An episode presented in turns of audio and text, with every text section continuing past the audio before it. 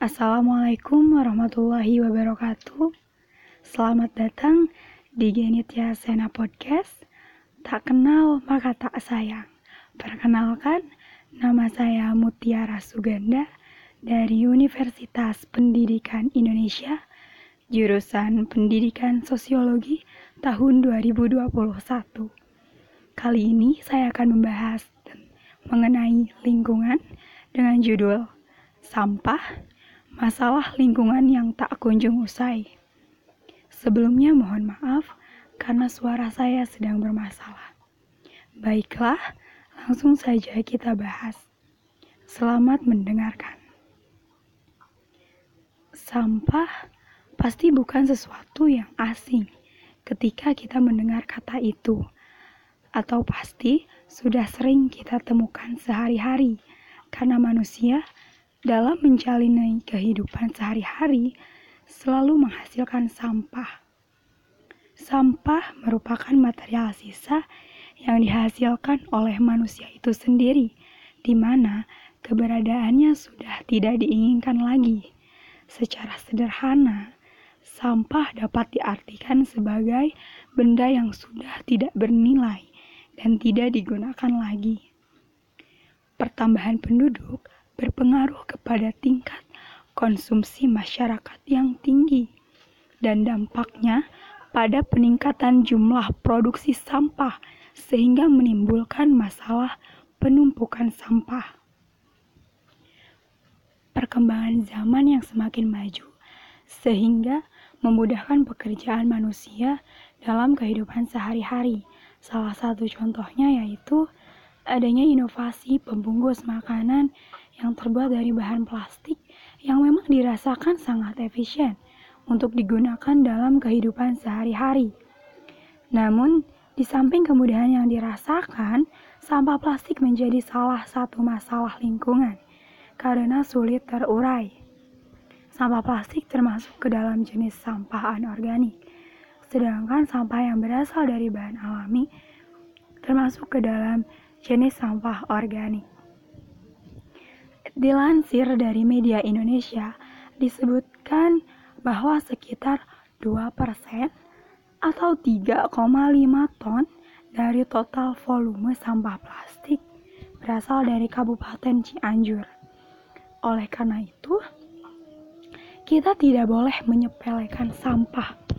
Karena dalam realitanya, sampah akan menimbulkan dampak yang besar apabila terus-menerus menumpuk dan tidak dibarengi dengan pengelolaan yang baik. Sampah merupakan suatu masalah yang cukup sulit untuk dihadapi karena dalam pengelolaannya juga banyak hal yang perlu diperhatikan terlebih terlebih lagi terdapat sampah yang tidak mudah terurai atau tidak ulang untuk masalah yang terus menumpuk dan dibiarkan tanpa pengelolaan yang baik akan mengakibatkan pencemaran tanah berupa tertutupnya permukaan tanah dan dapat mengurangi kesuburan tanah.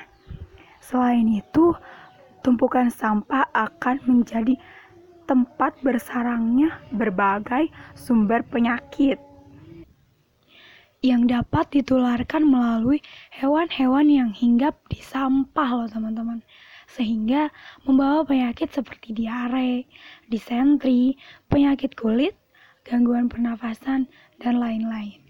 Untuk menghindari dampak-dampak negatif tersebut, dapat dilakukan penguburan sampah, di mana tanah yang akan dipakai adalah tanah yang sudah ditinggalkan. Tanah atau lubang bekas pertambangan yang terbentuk secara alami. Pembuangan sampah ini bertujuan untuk menghindari kontak langsung dengan sampah, sehingga mengurangi dampak-dampak negatif yang ditimbulkan. Sedangkan cara lain yang dapat dilakukan untuk sampah yang berbentuk sedotan plastik, botol plastik, bungkus makanan yang berbahan plastik, yaitu dengan cara mendaur ulang menjadi benda yang memiliki nilai jual dan memiliki unsur seni. Contohnya, sedotan plastik yang dapat diubah menjadi hiasan bunga, kemudian bungkus makanan yang dimanfaat yang dimanfaatkan menjadi batang dan daun dari bunganya, serta botol bekas sebagai vas bunga tersebut.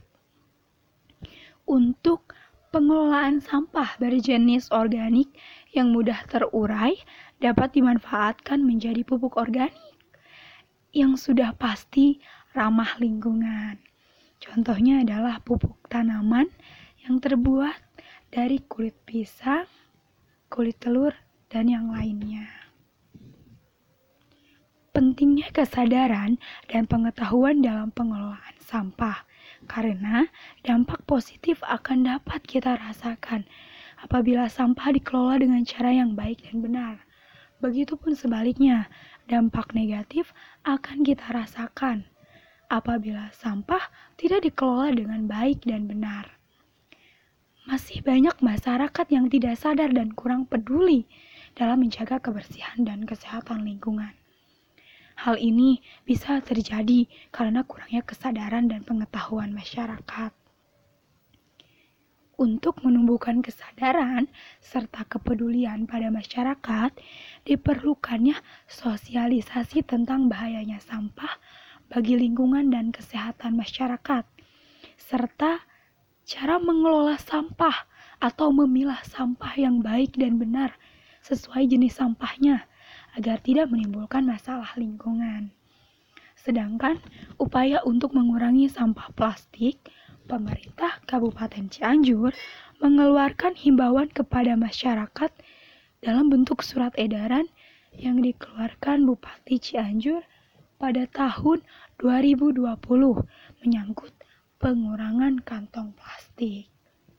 Dikeluarkannya himbauan ini diharapkan masyarakat bisa bekerja sama untuk mencegah tingginya produksi sampah, terutama sampah plastik yang ada di Kabupaten Cianjur. Sekian penjelasan yang bisa saya sampaikan.